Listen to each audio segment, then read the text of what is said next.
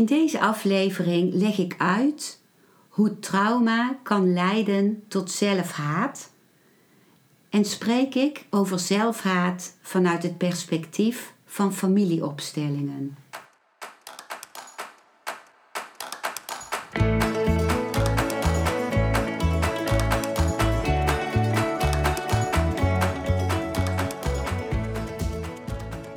Welkom bij een nieuwe aflevering van Modita's podcast Van Pijn naar Zijn.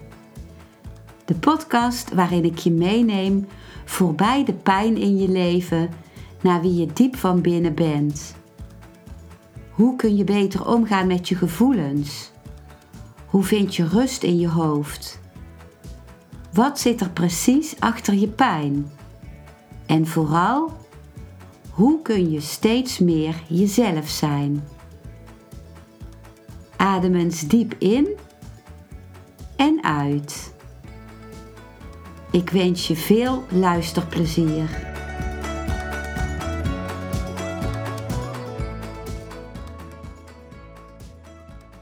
Ik begin met de woorden die ik ook gesproken heb in een filmpje van mijn YouTube-kanaal Modita van Zummeren met dezelfde titel als deze podcastaflevering. Dus hier komen eerst de woorden van mijn filmpje. Hoe kan trauma leiden tot zelfhaat? Tot het negatief denken over jezelf, tot het uh, minachten van jezelf, Bij trauma is er een prikkel geweest of een gebeurtenis die te overweldigend was voor je zenuwstelsel. En dat kan gebeurd zijn al voordat je een bewust geheugen had. Dus al voordat je bijvoorbeeld drie jaar was. Kan er iets gebeurd zijn wat je overweldigd heeft. Dus je kunt traumareactie vertonen nu, terwijl je niet weet waar dat trauma en wanneer en hoe dat trauma zich heeft afgespeeld. Als een prikkel te sterk was voor jouw zenuwstelsel, dan probeerde het zenuwstelsel toen die intensiteit van die prikkel zich opbouwde, eerst nog iets te doen. Ofwel te vechten, de sterke prikkel van je af te vechten, ofwel uh, te vluchten, ervan weg te vluchten. Zorgen dat je wegkomt. En in heel veel gevallen kan dat niet. Bijvoorbeeld bij een ongeluk, dan zit je daar ingeklemd in je auto. Je kunt niet wegvluchten. Of je ligt op straat gewond met gebroken benen, waardoor je niet weg kunt vluchten. Of bij een verkrachting, waarbij een hele sterke uh, man je in je greep houdt. Of vrouw, dat kan natuurlijk ook. En uh, het kan ook zijn dat je niet kunt vechten, omdat je voelt dat iemand je aanvalt die veel sterker is dan jij.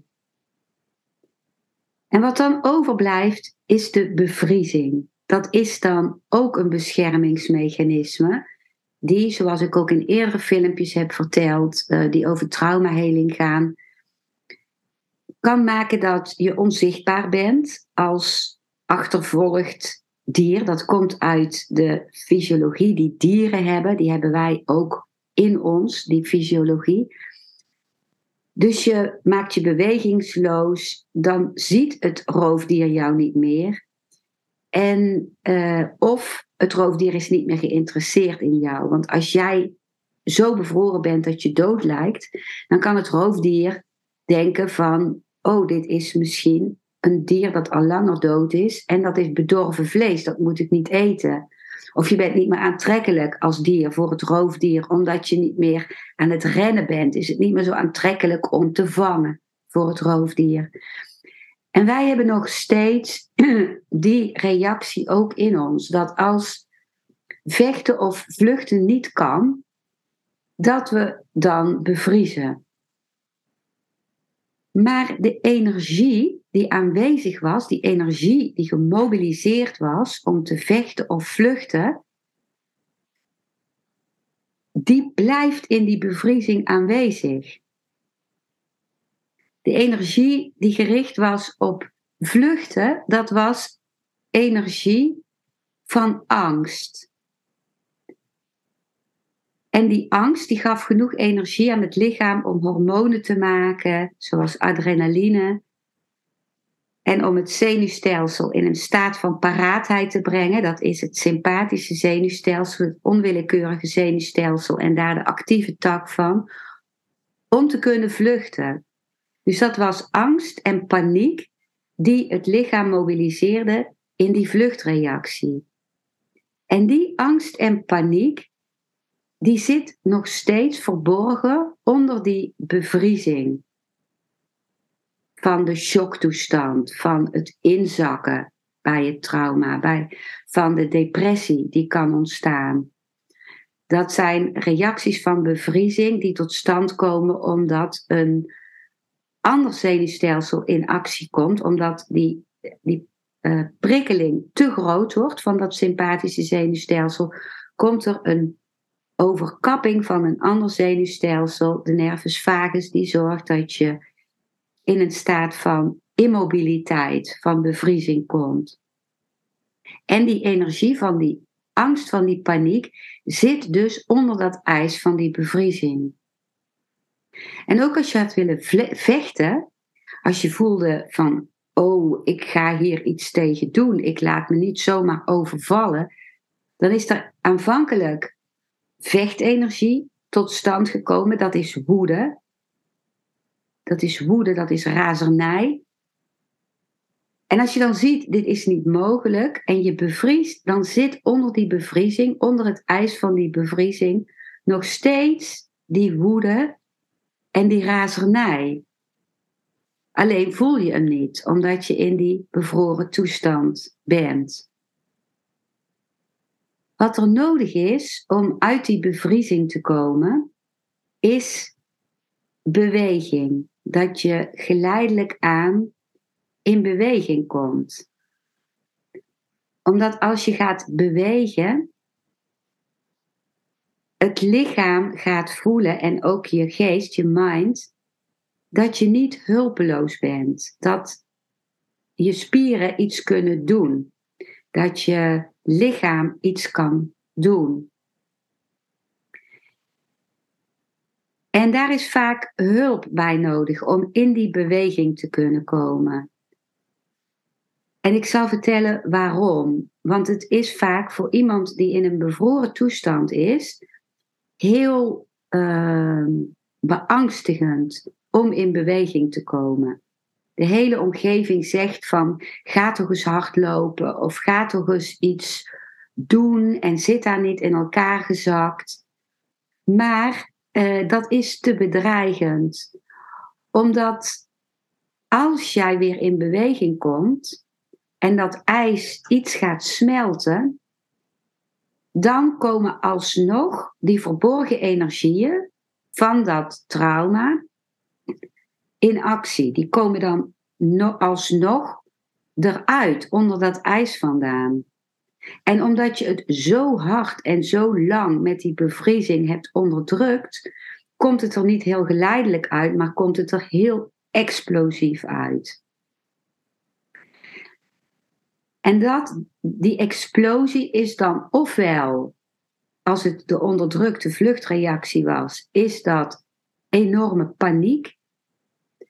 En als het de onderdrukte vechtreactie was, is dat razernij. Niet zomaar een beetje woede, maar echt razernij. Echt het gevoel dat je iemand zou kunnen vermoorden.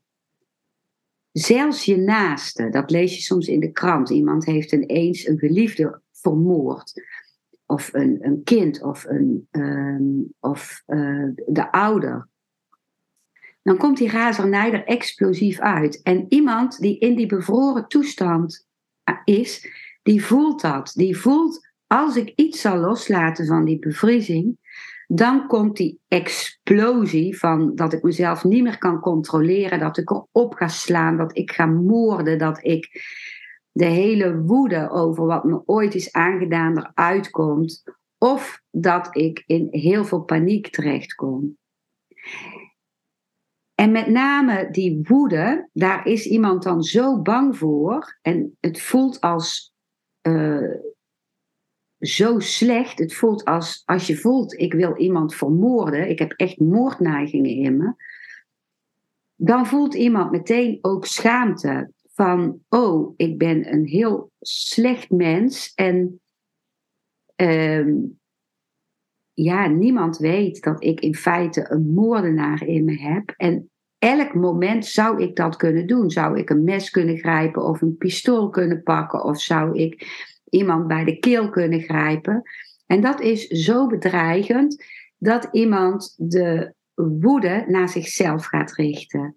Ik ben een slecht mens, ik deug niet, ik, uh, ik, ben, ik heb hele slechte gedachten, ik ben niks waard. En dat gebeurt niet zo bewust zoals ik het hier vertel, maar het gebeurt heel onbewust.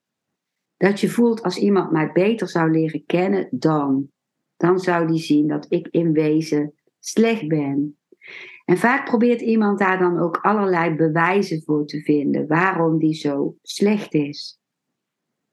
Maar in feite is het heel vaak een in feite een natuurlijke reactie op een trauma wat die persoon heeft meegemaakt.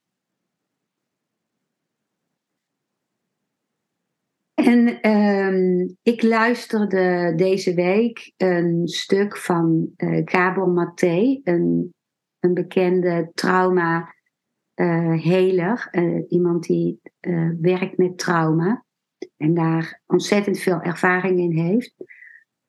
En die vertelde dat op een hele mooie manier ook. Uh, hoe bij een kind dat bijvoorbeeld geslagen wordt, als die nog heel klein is door zijn vader bijvoorbeeld, hoe die zelf haat kan ontwikkelen.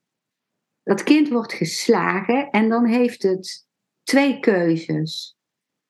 Het kan ofwel zeggen van, goh, mijn vader die weet niet hoe die met zijn emoties om moet gaan. Die heeft blijkbaar iets waardoor hij dat niet kan en waardoor hij uh, de woede die hij heeft op mij gaat richten.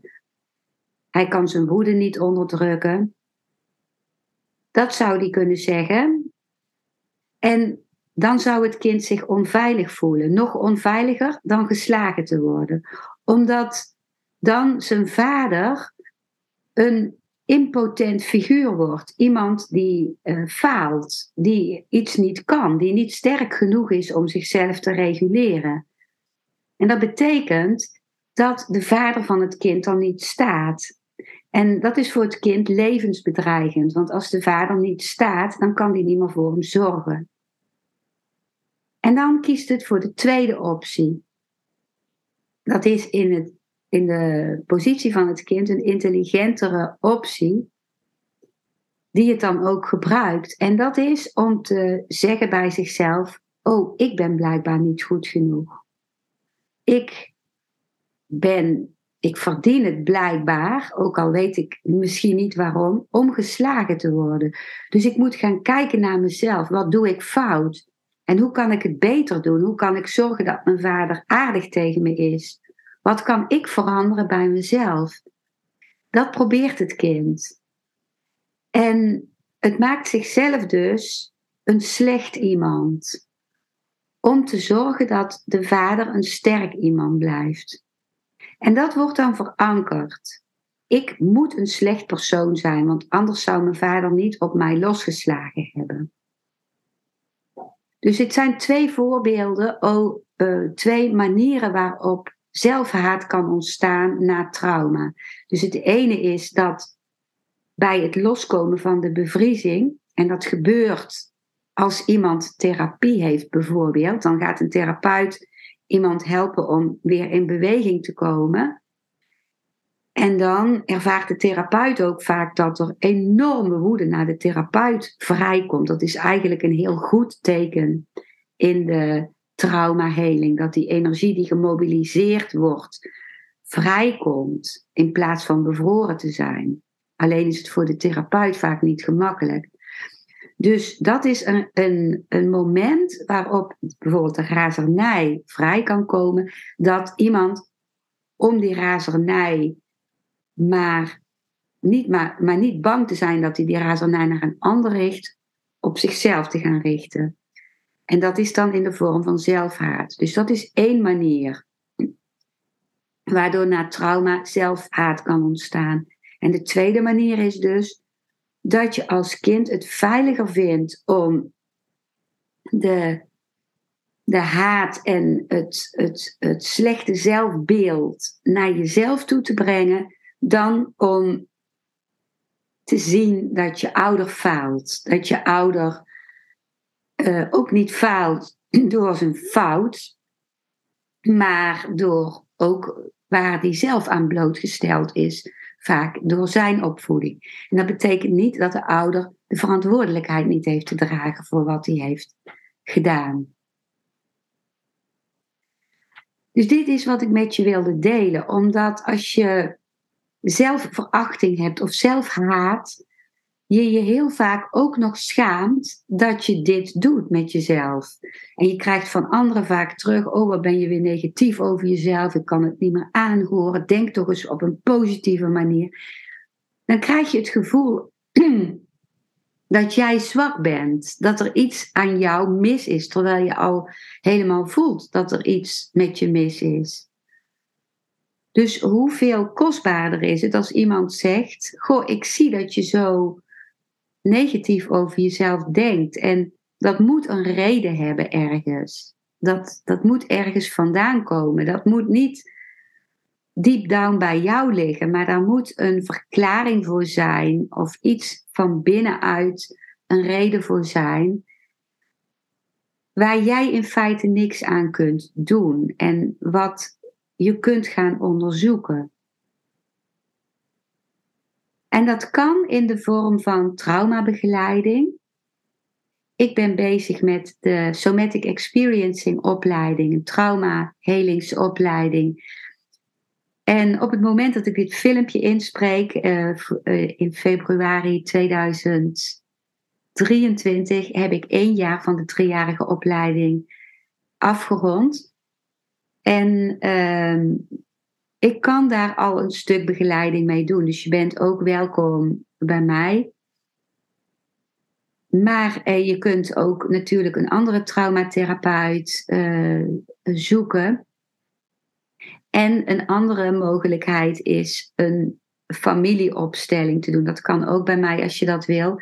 Dat is weer een andere benadering als wat ik in dit filmpje noem. Bij een familieopstelling ga je kijken van wat draag ik van een ander? Want die zelfhaat kan ook iets zijn wat jij draagt van een familielid. Het is een uitgebreid onderwerp, maar ik hoop dat het iets opent naar zelfcompassie. Naar het uh, voelen dat als je slecht of negatief over jezelf denkt, dat daar ook een intelligentie achter zit. Dat dat ooit een hele intelligente oplossing is geweest. Dus dat het niet iets is om je over te schamen. En zelfs als je je schaamt, dan heeft die schaamte een functie. Als je je schaamt, heb je nog een gevoel van dat je de regie hebt. Je kunt je schamen. Dus je hebt nog, door te zeggen van ik ben schuldig, zit daar ook een gevoel achter van ik kan er iets aan doen. Want als ik schuldig ben, kan ik er iets aan doen. Dat is de functie ook, een functie van schaamte. Dus belangrijk is om te gaan zien dat alles wat je ervaart, dat daar een achtergrond achter zit. En dat het heel vaak een zelfbeschermingsmechanisme is. Dit waren de woorden van mijn YouTube-filmpje. Ik lees nu woorden voor van de Oosterse mysticus Osho over het accepteren van jezelf.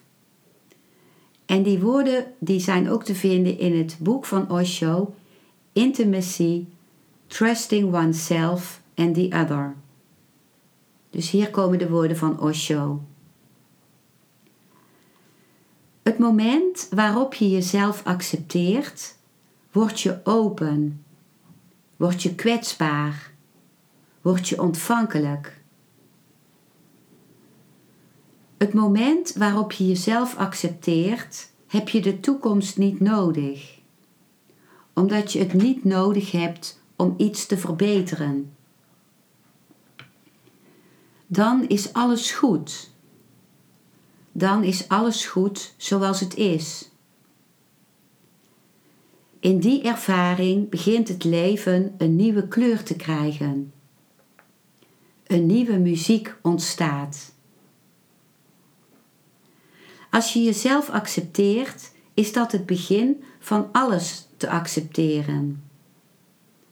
Als je jezelf afwijst, wijs je het bestaan af. Als je jezelf accepteert, dan heb je het bestaan geaccepteerd. Dan is er niets anders te doen dan genieten, dan het leven te vieren. Er is geen klagen meer, geen wrok, je voelt je dankbaar. Dan is het leven goed en is de dood goed. Dan is vreugde goed en verdriet is goed. Dan is het goed om met je geliefde te zijn en alleen zijn is goed. Dan is wat er ook gebeurt goed, omdat het gebeurt vanuit het geheel. maar je bent gedurende eeuwen geconditioneerd om jezelf niet te accepteren. Alle culturen van de wereld hebben de menselijke mind vergiftigd, omdat ze allemaal afhangen van één ding: verbeter jezelf. Ze creëren allemaal angstige bezorgdheid in je. Bezorgdheid is de gespannen staat tussen dat wat je bent en dat wat je zou moeten zijn. Mensen zullen gedoemd zijn om bezorgd te blijven als er een zou moeten is in het leven. Als er een ideaal is dat vervuld moet worden, hoe kun je je dan op je gemak voelen? Hoe kun je dan thuis zijn?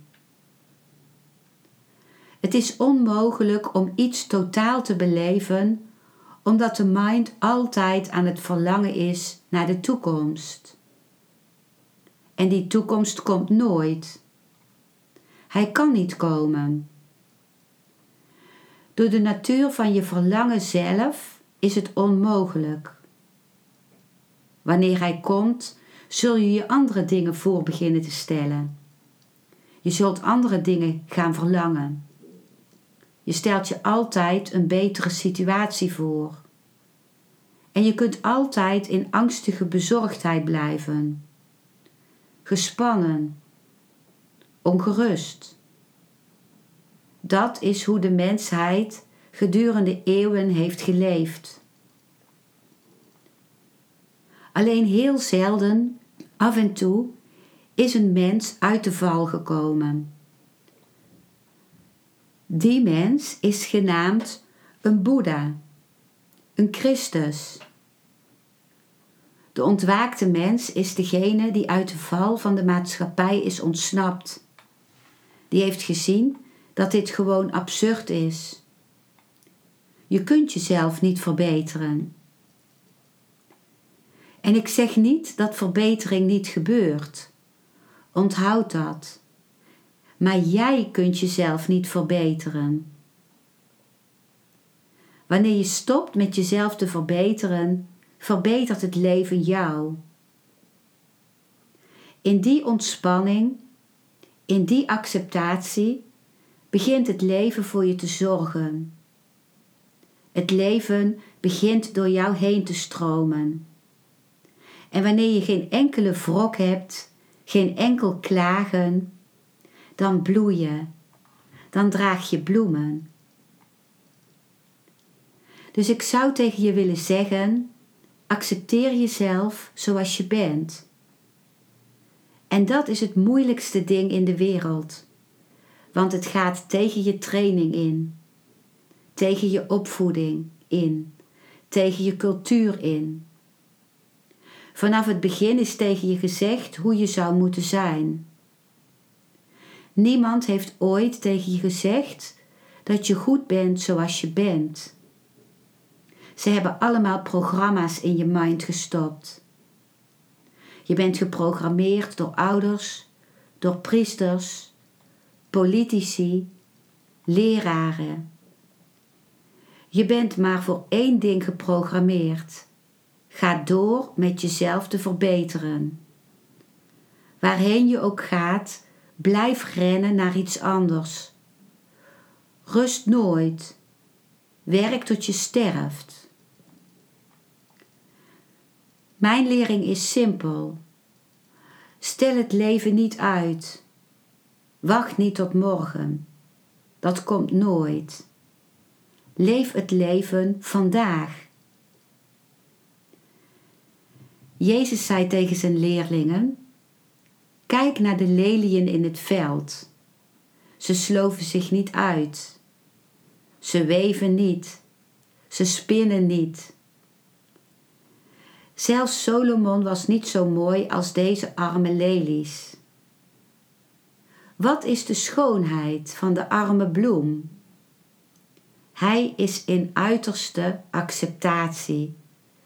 Hij heeft geen programma in, zijn, in zich om zich te verbeteren. Hij is hier en nu, dansend in de wind, badend in de zon, pratend tot de wolken, in slaap vallend in de middagwarmte, flirtend met de vlinders, genietend, zijnd, liefhebbend, geliefd. En het hele bestaan begint zijn energie in je uit te gieten wanneer je open bent.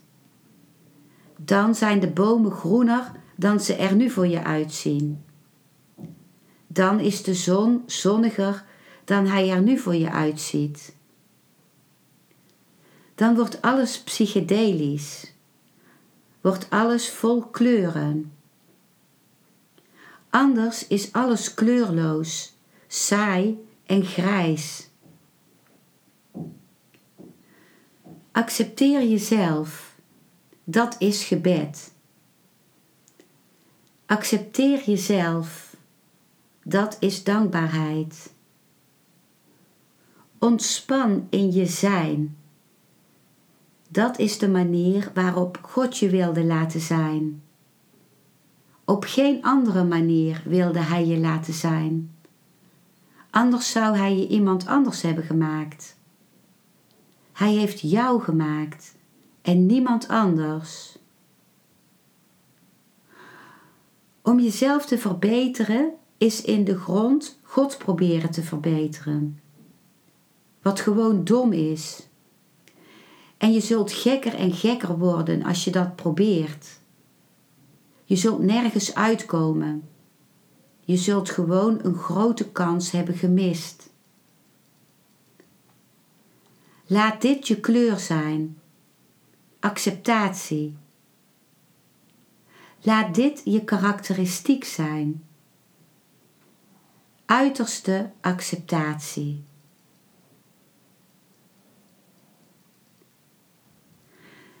Ik wil nog een stuk voorlezen van Osho. Dat gaat over houden van jezelf. En de woorden die ik nu lees zijn ook te vinden in het boek Love, Freedom and Aloneness van Osho.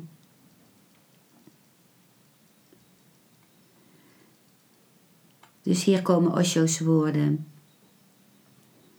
Ik zeg, dit is een van de meest diepe kernspreuken van Boeddha En alleen een verlicht iemand kan je zulk een inzicht geven.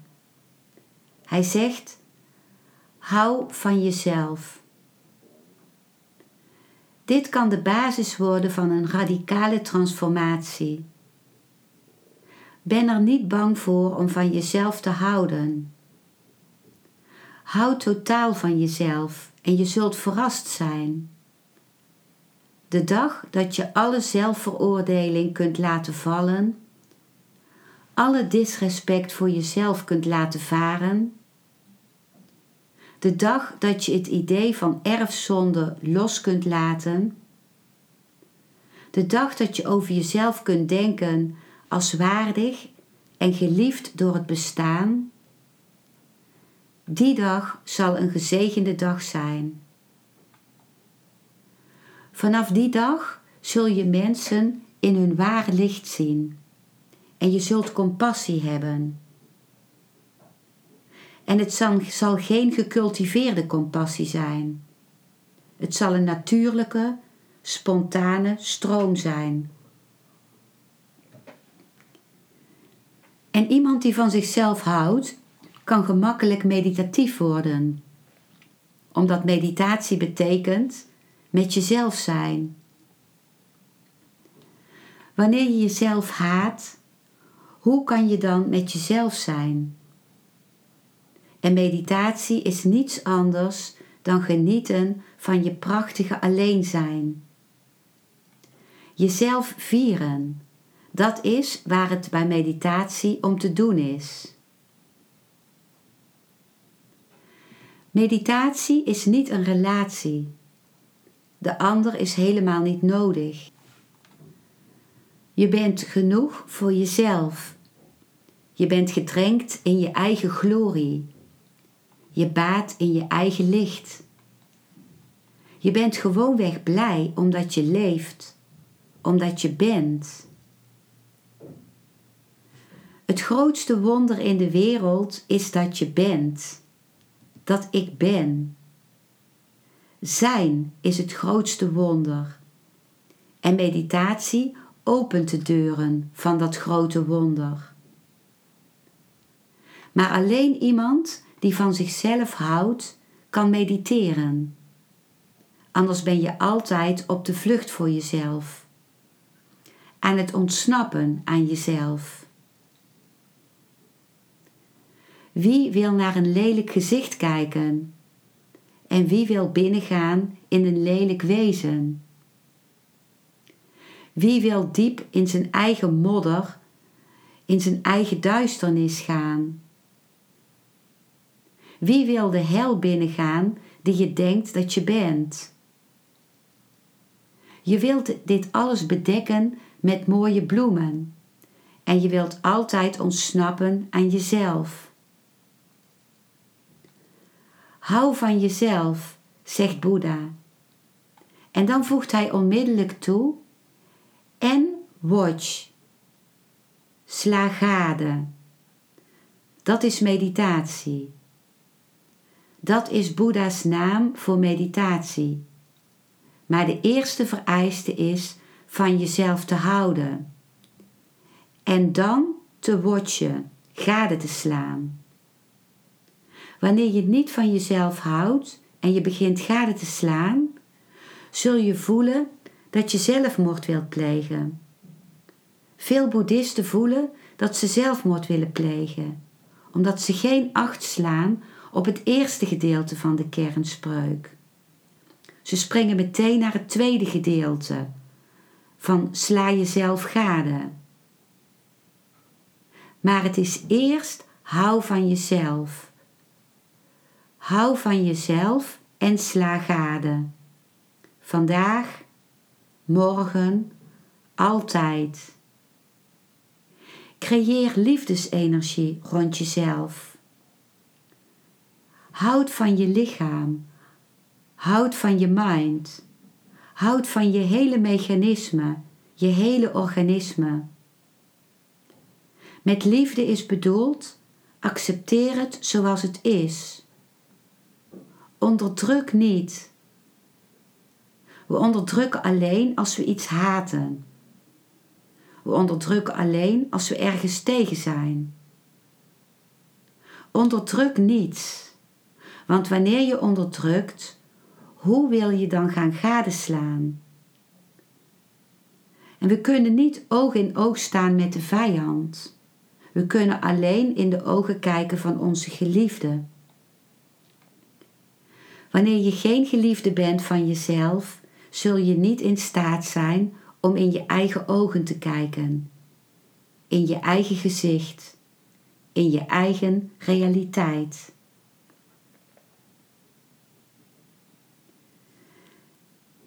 Met deze woorden van Osho wil ik deze aflevering beëindigen.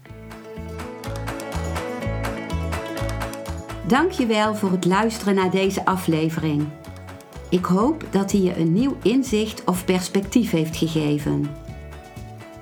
Ik hou van interactie, dus als je iets wilt delen, stuur me dan een mailtje op info@genietenvanmeditatie.nl. Ik geef je dan altijd antwoord. Ik wens jou dat je vreugde in het dagelijks leven zult ervaren en innerlijke rust.